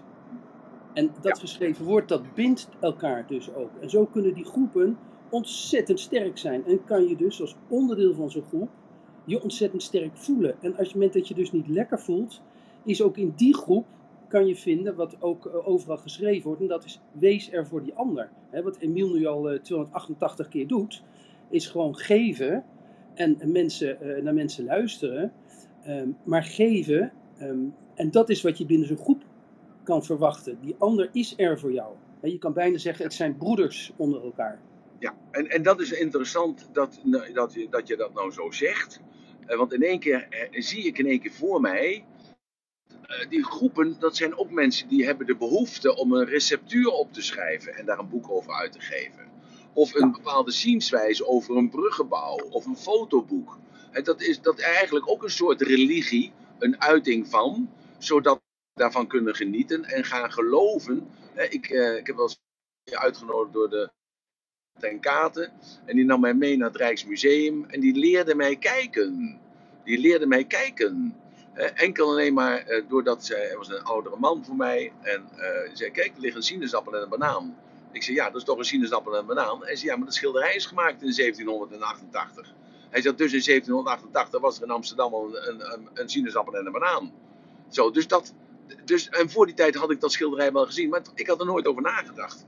Dus, dus die gemeenschappelijkheden die er dus in die heilige boeken staan, spreken mensen aan, niet alleen in nood, maar ook in vreugde. Want dat is, ik wil zo mooi dat je dat zegt, Robert. De, de twee meest belangrijke momenten, de geboorte en dat is eh, het, het heengaan, het sterven. En dat het zo'n boekje daar dan ook richtlijnen voor geeft. Hoe ga je daar dan mee om? En hoe, en hoe blijft het dan ook bij je en krijgt het een functie in je leven? die momenten. Hè? Dus dan een ritueel of een rituaal. Absoluut. Zo, en, Als en elk mens heeft de behoefte om zich te uiten. Hè, want dat is dat sociale omveld. En eh, dat, dat heeft de behoefte om zich te uiten. En vandaag de dag zijn er heel veel mensen die hebben de behoefte om ook een boek te schrijven. Zo, en, en dus dat is. eh, ja, en, en zo krijg je die groepvorming en zo krijg je die macht. En zoals je MH zo mooi zegt, ja, maar er is anderhalf miljard mensen die, eh, die aanbidden dit boek of die geloven dit boek. Dus, dus, dus, dus het zal wel waar zijn. Weet je wel zo? Eh, weet je wat het mooie is, eh Emiel? Kijk, zelf kom ik dan uit een eh Afrikaanse land wat best arm is. En op het moment dat. En het, het, is, het komt in ieder geval wel overeen met wat jullie allen zeggen. Hè? En op het moment dat jij ergens stellig in gelooft. En, en, en rijkdom zie je dan als iets wat je van God hebt gekregen. Dus iets eh, eh, waar je ook verantwoordelijkheid over moet hebben. En, en, en je naaste moet helpen en de armen moet helpen. Dat is een verantwoordelijkheid die je hebt. Maar als je arm bent, want de meeste mensen zijn arm. Als je naar hen kijkt en je praat met hen, dat zijn gelukkige mensen. Waarom? Omdat zij weten van, hè, dit is een tijdelijke plek waar ik ben. Ik word beproefd op mijn manier. Ik kan in ieder geval eh, met de gerust hart gaan slapen. Want ik weet, hetgeen wat ik vandaag heb gegeten, dat heb ik van mijn God gekregen. Ik Ja. hoef me geen zorgen te maken voor mijn toekomst. Want hetgeen wat ik nog ga krijgen, dat staat al vast. Dat staat al vast. Dat Ja. geeft je een bepaalde rust, waardoor eh, eh, dat soort mensen niet snel, zeg maar, nou ja, zich gek laten maken. Of, of begrijp je wat ik bedoel? Ja, helemaal. ja, dat is helemaal. echt zo. Ja. Ja. Maar ik vind het zo, weer zo mooi dat zo zegt, Emma. Ik vind het al fantastisch dat je je naam zo hebt. eh, dat, je, eh, ja, dat je denkt bij jezelf, ik, eh, eh, als ik ga solliciteren heet ik MH. En ik heet geen Mohammed eh, Havi- Haviki. Zo, dus dan, Ik heet toevallig Ja, wel dus- Mohammed. Ja, fantastisch kerel, fantastisch. Nee, Dus alleen daardoor heb je mijn hart alweer gestolen. Weet je wel? Dus ik, eh, ik kijk er daarna en denk ik, ja, fantastisch. Ja, En dus, Emiel, Ja. Emiel, ik wil graag naast het verhaal van MH iets zeggen. Ik weet helemaal niets van de Bijbel, maar ik heb een vriendje gehad. Nou, die was er eh, redelijk vol van. Ja. Ehm, en die had het verhaal over de drie zonen. Ja. Die drie zonen met die vader. En die vader stuurt die drie zonen uit met allemaal Ja. een, eh, een, een zakje goud. Ja. En eh, ga er maar mee doen en kom maar terug over zoveel jaar. En nou, die ene zoon deed er dus helemaal niks mee. Die begroef dat goud en die gaf zijn vader het goud terug. Ja. En toen zei zijn vader, ja, je hebt niet geleefd. Ja. En, en die andere zoon, die pakte het goud en die ging naar de hoeren. En die ging allemaal andere dingen doen. Ja. En die kreeg van zijn vader een compliment, want zijn vader zei, je hebt er wat mee gedaan. Ja. En die andere broeder die ging schapen kopen. En eh, nou ja, goed, uiteindelijk ging die geloof ik failliet. Ik weet dat, dat verhaal niet helemaal, maar die had er wat mee gedaan. En die kreeg het grootste compliment van zijn vader.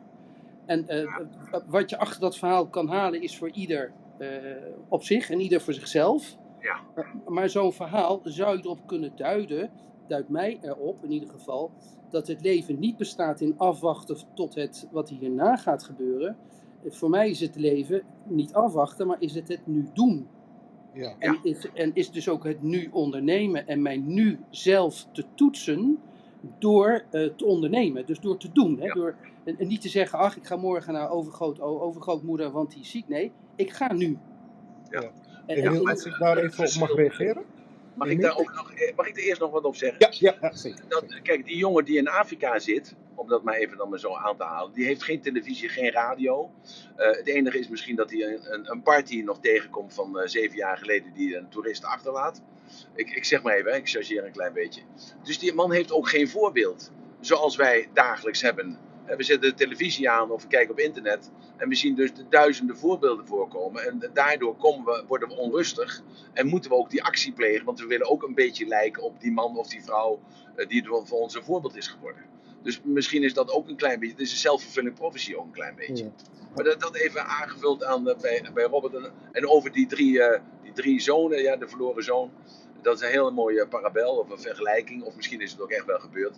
Ja, maar die vader die, die heeft ook gemeten naar wat zijn waarden waren.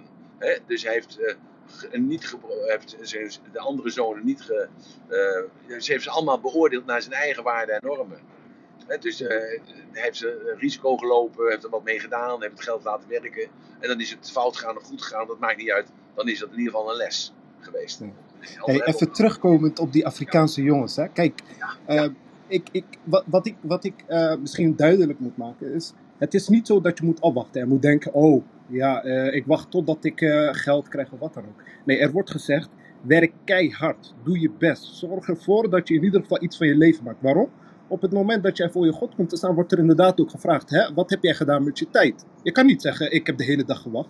Nee, je moet actief bezig zijn. Alleen het verschil zit hem in.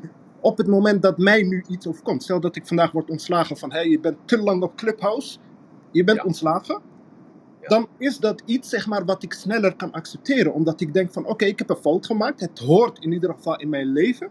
En uiteindelijk zal God mij in ieder geval wel gaan leiden en hetgeen geven wat ik verdien. En wat ik verdien, dat weet ik niet. Maar ik ga wel mijn best doen. Dus het is niet zo dat wij gaan afwachten, maar wij accepteren de consequenties van onze eh, handelen. Ja, ja, ja. Nou ja, dat is natuurlijk een hele mooie. Want dat is natuurlijk dat, eh, dat karma, dat wordt vervuld. En eh, daar zit toch een eigen verantwoordelijkheid in, wat je zegt. En ook een eigen vrije wil, wat ontkend wordt. Eigenlijk als het ware door, eh, ja, de, door huidige wetenschappers. En daarom heb ik gisteren ook die parallel gelegd met die epoche, eh, fin du siècle. Dat, dat, dat in die tijden, dus dan praten we dus eh, 1870, dus 140 jaar geleden.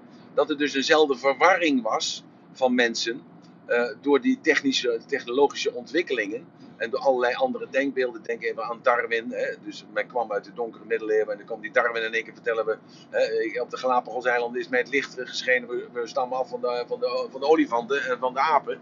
Ja, en, en eh, pasteuriseren kwam in en eh, auto's en vliegtuigen in één keer. Ja, dus die mensen dachten ook de wereld vergaat. Want als God ons had willen laten vliegen, dan had hij ons wel vleugels gegeven. En dan had meneer Ford hoeft daar geen, geen auto's voor te, te maken. Zo, dus, dus die verwarring die er toen de tijd ontstond, is, een par, eh, is eigenlijk voor mij eigenlijk een soort iets wat de dag kan leggen.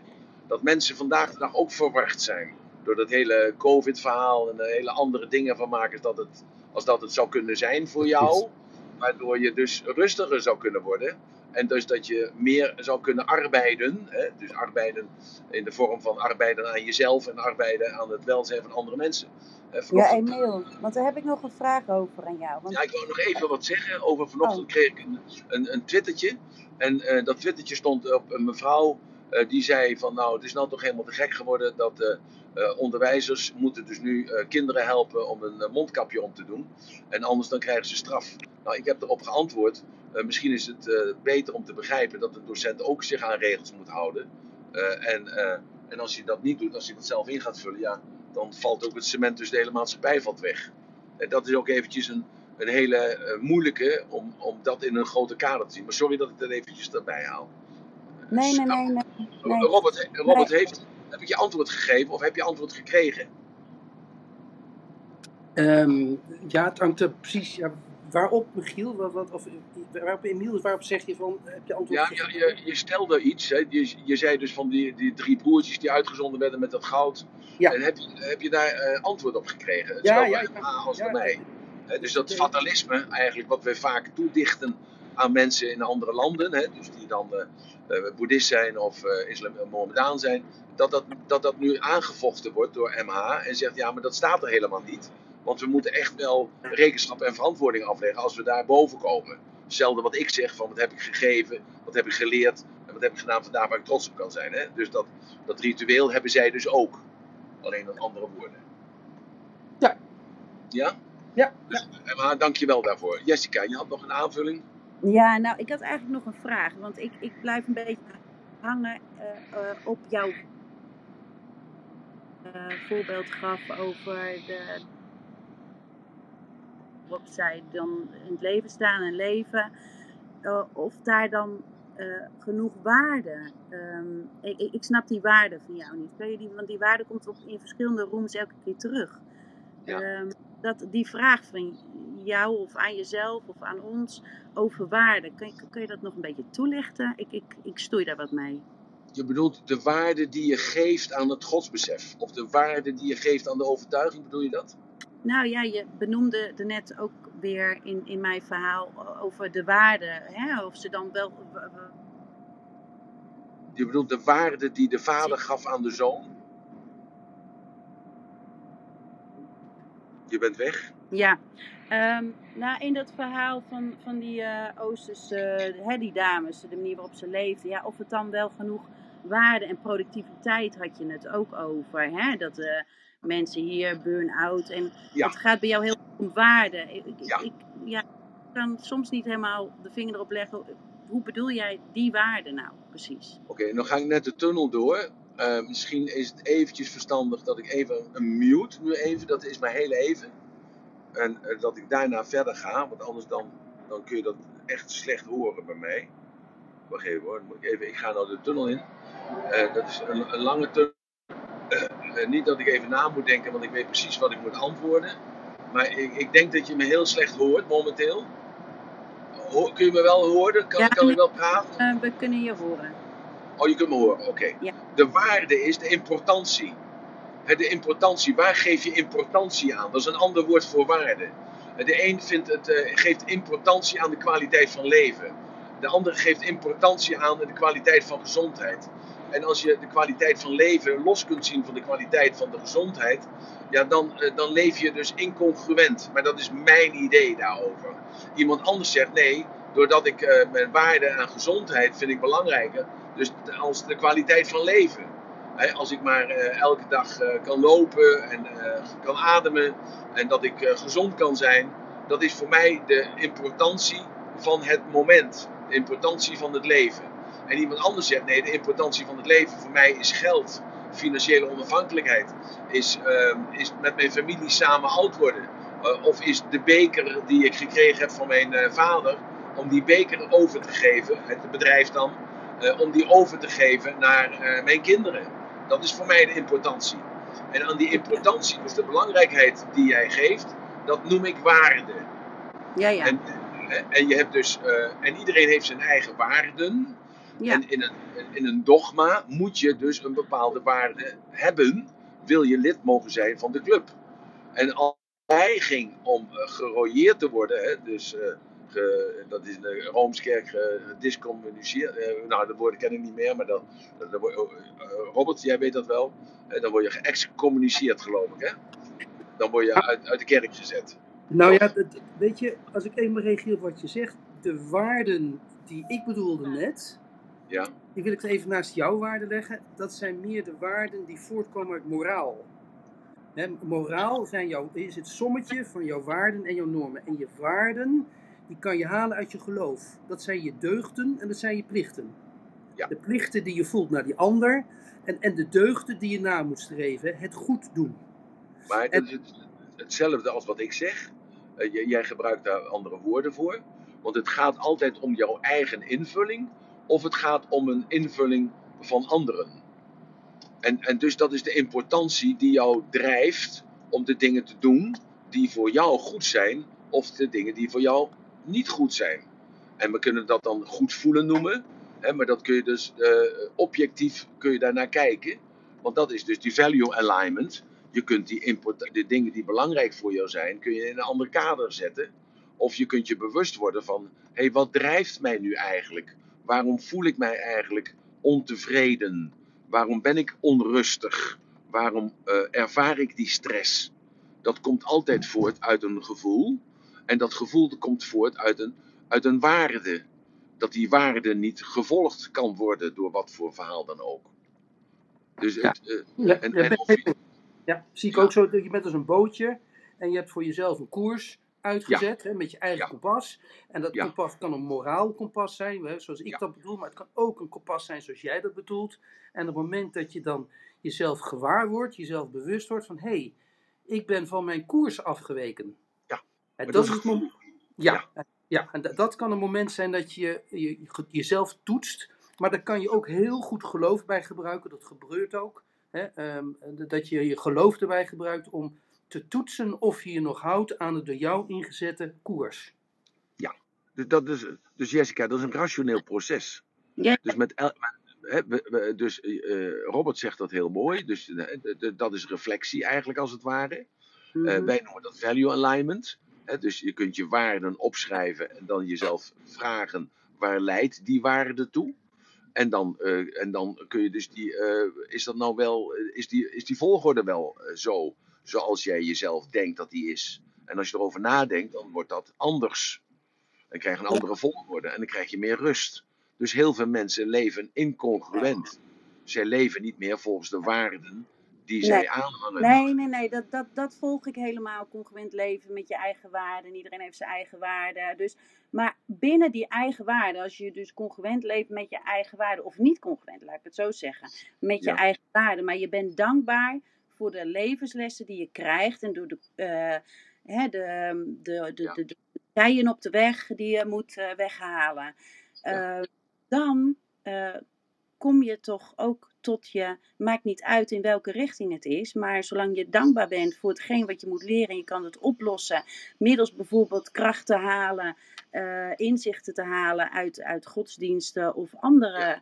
vormen, dan kom je er toch ook. Dat is dan toch, dat is maar het is maar net wat spreek je jou aan. En vroeger was Ja, er geen keuze. Je was Nee. gewoon geboren in Afrika en je was- islamiet. En je was geboren in Arnhem en je was christen. En, en nu is het zo, nou ben je islamiet en je denkt bij jezelf, ja hé, hey, ik krijg een voorbeeld van de televisie van het kan ook anders, maar dat, kri- in Arnhem gebeurt dat ook. En dat geeft de verwarring van ben ik wel juist bezig? En daarom heb ik het elke keer over abstractieniveau. Je moet Ja. wel een zeker abstractieniveau hebben om dat te kunnen beredeneren voor jezelf. En daar stil bij kunnen blijven staan. En we zijn niet meer gewend. Kijk, eh, als jij leiding geeft in jouw bedrijf. eh, 100 jaar geleden zei mijn vader: kop dicht houden, doen wat ik zeg, klaar is Kees. Vandaag de dag eh, moet je, ja, ja, lach erom. En vandaag de dag zeg je: jongens, wat gaan we vandaag doen met elkaar? Nou, dat is een hele andere manier van leiding geven. Ja, is ja, een zeker. andere manier- ja, een een andere context, een hele andere tijd. Ja, Ja, dus nou, en, en, en zo moet je zo'n boek ook zien. Zo'n boek is geschreven wat zeer waardevol is. Daar staan heel veel wijsheden in. Er staan heel veel verdiepingen in. Daar kun je heel veel rust in vinden. Eh, maar de, de toon en de, de, de, de voorbeelden zijn niet meer anno, eh, anno deze dag. Ja. Als je bij mij in de zaal zit, dan hoor je een ander verhaal. Maar het is hetzelfde verhaal als dat je bij Ali B in de zaal zit. Ja, Ja, Ali B vertelt hetzelfde verhaal, alleen met andere voorbeelden. ja, Dus ik ben een oude man, eh, eh, dus bij spreken. Dus ik heb het over eh, stoffelijke zaken en over geestelijke zaken. En hij heeft het over eh, de, tv en over, eh, ja, weet ik veel wat. Over hele andere zaken die de jeugd vandaag de dag bezighouden. Dus het is een andere communicatie. Andere Mhm. woorden, maar het is dezelfde strekking. Dus dat zijn die atomen. Eh, Dus uiteindelijk is het iets, het neemt een bepaalde vorm aan. Maar het bestaat alleen maar uit energie. En jij, en dat is epigenetica, ja, nog één seconde. Eh, Ja. Emma, en dan ben jij. En eh, dus dat is die epigenetica, daar ga ik het zaterdag over hebben. Om de, dus de invloed te laten zien van die gedachten, dat we dus nu weten, we hebben dat aan kunnen tonen, dat die gedachten onze DNA beïnvloedt en onze RNA beïnvloedt. Dat is, dat is dus zoiets moois, dat is het bewijs dat geloof doet leven. ja. En dat je zelf je eigen ziektes kan overwinnen door de Ja. manier waarop je ermee omgaat. Goed, oké. Emma, sorry, sorry. Gil. Nee, nee, nee, geeft niet, geeft niet. Nee, maar wat ik, ik, ik vind het een hele interessant eh, onderwerp hoor. En eh, wel fijn om te horen dus, dat we zo open met elkaar ook kunnen praten. Maar wat ik heel erg interessant altijd vind is, eh, kijk, het is duidelijk dat we allemaal doodgaan, maar is dat niet een vraag, zeg maar, wat speelt bij mensen die geen geloof hebben, of in ieder geval niet geloven in hiernamaals, van hè, wat gebeurt er straks op het moment dat ik kom te overlijden? Is het Ja, dan dat- gewoon, is het dan gewoon klaar? Kom ja, ik dan- Dat is het interessante aan de bijna doodervaringen. Ja. Dat dus de bijna doodervaringen die ook wetenschappelijk onderzocht zijn. Die zijn dus gewoon eh, op een rijtje gezet. Dan blijkt dus gewoon dat mensen dus die in Afrika, ik noem maar wat dan weer, hè, dus de islam aanhangen. Die gaan door diezelfde eh, witte tunnel heen als mensen die in, eh, in Amsterdam wonen. en, of in, in Peking, Beijing wonen. Die gaan allemaal, alleen aan het eind staan andere mensen je op te wachten.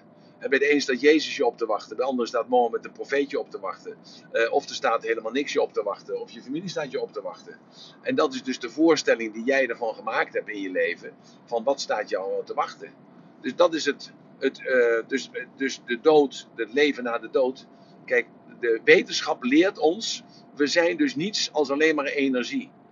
En dat is dus dat verhaal van vorige week, Ja. van die atoom. Maar Emiel, Zo. ben je het wel met mij eens dat op het moment dat ik bijvoorbeeld gelijk zou hebben, hè, achteraf, dan kunnen we het pas toetsen natuurlijk, dat ik dan wel geluk heb.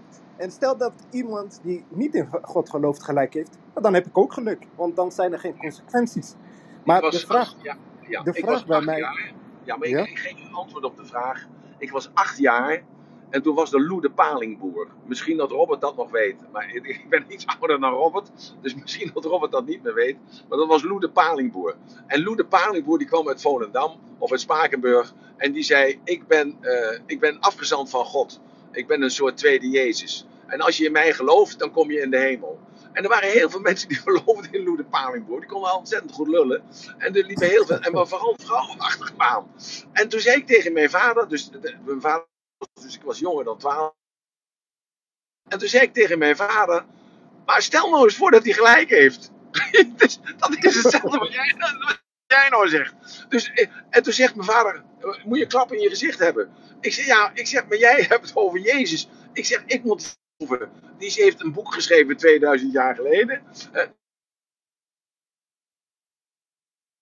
en dan en die zegt dat hij ook Jezus is. Ik kan beter in hem geloven als iemand die een boek geschreven heeft 2000 jaar geleden. Dan kon ik een klap voor mijn hersens krijgen, natuurlijk van mijn oude heer.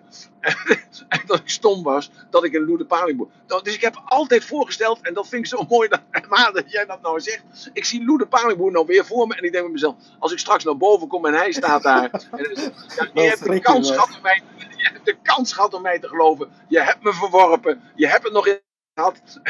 In, in 1 december 2001. Hup, terug naar de hel jij. Wegwezen jij. Ja. dus ja, En- dat is jouw geloof. Je kunt En- alleen maar waarnemen wat je gelooft. Emiel en MH, mag ik wat naastleggen over waar jullie het nu over hebben? Over, hè, wat, stel dat je komt, straks komt te sterven en dan? Ehm, volgens mij is het in de oudheid is dat Augustinus geweest en Plato. Ja. Die het concept hebben bedacht van de ziel. Ja, klopt En, ja. daar begint het eigenlijk. Hè? Als je zegt, en er zijn mensen die, die vinden dat dus, die zeggen: ja joh, ik ben ik. En eh, er is niets meer na de dood, want ik ga er niet van uit dat een ziel bestaat. Ja. Ik ben als een, zeg maar, een vlammetje van een kaars. En als het moment dat ik kom te overlijden, dan eh, gaat dat vlammetje, eh, dat dooft. En dan is er dus niks meer. Ja. En het begint dus eigenlijk ehm, bij de vraag die je zelf kan stellen, als je dat wil. Ga ik ervan uit dat er, er het leven is, maar dat mijn, naast in mijn bewustzijn er ook een ziel is. En dat die ziel eh, komt eh, in een hemel of in een, noem maar op. En op het moment dat je dat concept aanvaardt, dan komt de vraag, of nou meneer Palingboer is of, of iemand anders, wat, wat gebeurt er dan na mijn dood? Ja, maar dus als je dat niet gelooft, maak je ook niet druk wat in de dood gebeurt. Dus nee, want is- dan, dan, dan- nee, want dan is er niets, dan is er geen ziel. Nee, dat klopt. De- dus de, de ziel is ook weer bedacht door mensen. Ja. Plato, Ja, maar maar. geloven we dan Ja. niet in iets van eh, gerechtigheid? Ik bedoel, stel dat ik super goed geleefd heb, ik heb jarenlang mensen geholpen. eh, Eindig ik dan op dezelfde manier als iemand als Adolf Hitler? Dat kan toch niet? Ik, geloof dat. Ik kan me dat niet voorstellen. Ik Hey, geloof echt oprecht waar in gerechtigheid. Correctie, Adolf Hitler eh, had ook gelijk. Dat mag je niet meer zeggen, hè? maar het is zo. Hij vond ook dat hij gelijk had.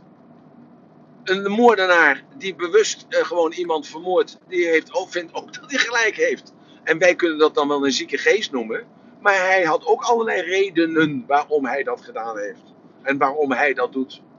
Je Ja. denkt toch zeker niet dat die meneer die nou in de PI zit in de Vught, eh, ik ben zijn naam even kwijt, eh, die gepakt is als de grote cocaïnejongen. Ja, Die we kunnen ook beter de naam niet van zeggen. Ja, maar ja, ja, ja, ja, maar die vond ook dat hij gelijk had. En er zijn ook honderden of duizenden volgelingen. Want als je kijkt naar de gebruikers van die rotzooi, ja, er zijn honderdduizenden mensen die die troep gebruiken. Dus die hebben hem eh, vereerd. En die zijn hem dankbaar, want die konden een, eh, grammetje van die rotzooi scoren. Elke dag.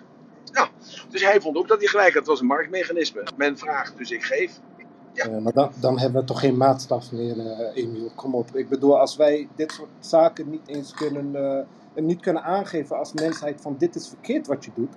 eh, en eh, gebaseerd dan op eh, de normen en de waarden die we hebben. En, en die we wellicht ook vanuit religies hebben. Ja, dan moeten we dit soort zaken kunnen afkeuren, absoluut. Ja, maar, zegt- en, mag ik er wat over zeggen, Emiel? Ja, graag. graag.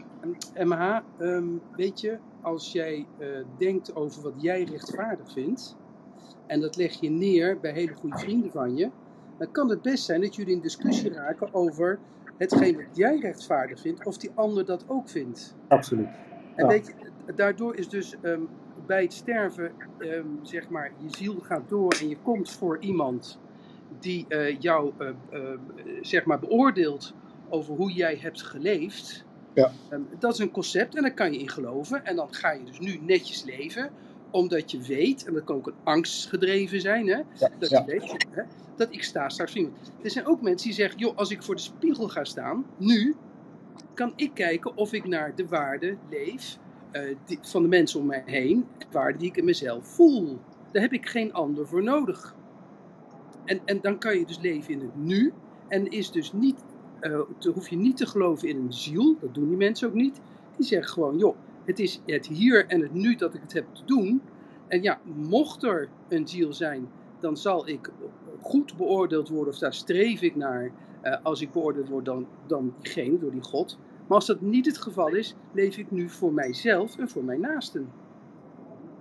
Ja, eens. Als je Maar daarnaar kijkt, denk ik, hè, je wordt, eh, we, hebben, we hebben twee eh, basisdrijfveren natuurlijk, het vermijden van angst en het verkrijgen van liefde.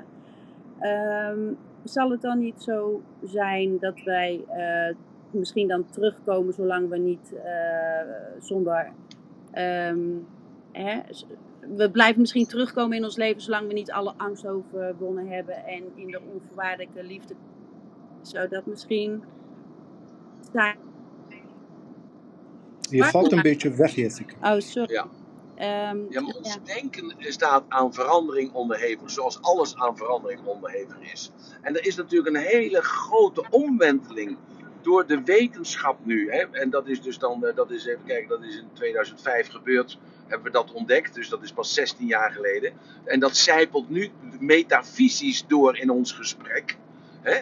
Eh, dus het, het krijgt, het krijgt armpjes en voetjes, hè? het wordt dus in de stof. Dat dus het, het universum dat het niet iets mechanisch is. Het is geen constructie, hè? dus de aarde draait om de zon en de zon om de maan en weet ik veel wat allemaal, hoe het allemaal werkt. Maar nee, maar dat het dus een bedenksel is. Het is dus in de energie. En, dat is, en dus die gedachte, daar zijn we dus door middel van die stap van die epigenetica, komen we dus nu een, een hele grote stap verder in een relatief gesproken korte tijd. Want als ik me herinner, dus eh, de, de NLP wat ik oppakte in 1986, wat eh, begonnen is door Wendell en Grinder in 1978. Dus dat is 50 jaar geleden, een kleine 40 jaar geleden pas. Dat we nu naar die epigenetica toe gaan. En dat inzicht van eh, 2005, eh, van 1905, eh, 100 jaar geleden. eh, dat dus die atomen echt bestaan uit, eh, uit, niet uit neutronen, maar uit, bestaan uit niets, uit energie. Er is geen materie. Dan val jij straks ook uit elkaar. Eh, niet in, niet in, eh, in stukjes. Stof zijt gij tot stof zult gij wederkeren. Nee, je valt niet uit in stukjes materie. Je valt uiteen in stukjes energie. En die stukjes energie, die zijn niet waarneembaar. Want die zijn zo minuscuul, omdat het niet iets stoffelijks is. En, en dat gaat naar iets toe. Dat, en kijk, en dan komt dat boeddhisme weer. Dus dat blaadje wat naar beneden valt, dat wordt opgegeten door de wormen. De wormen poepen het uit. Of worden opgegeten door de reeën of wat dan ook. En uiteindelijk komt het dan weer terug als een soort eh, nieuw blaadje. Maar niet dat hele blaadje, nee. Het, de energie van dat blaadje vormt dan misschien weer een ander blaadje. Zo. Zo, dus dat is een hele andere gedachte. En zo komen we langzamerhand komen we ook bij het besef dat we kunnen gaan bekijken van eh, ja, en dan gaan we begrijpen ook waarom de Joden zeggen je mag zijn naam niet uitspreken en de Mohammedanen, de Islamieten zeggen van je mag hem eh, niet geen beeldenis van, van eh, Allah maken of van Mohammed maken, want dan gaan we begrijpen wat dat gaat betekenen. We hebben altijd gedacht, als ik even zo vrij mag zijn, om dat even een algemenist, een universeel even te, te zeggen. We hebben altijd gedacht van het is makkelijker om naar dat beeld te kijken van Jezus hangt aan het kruis.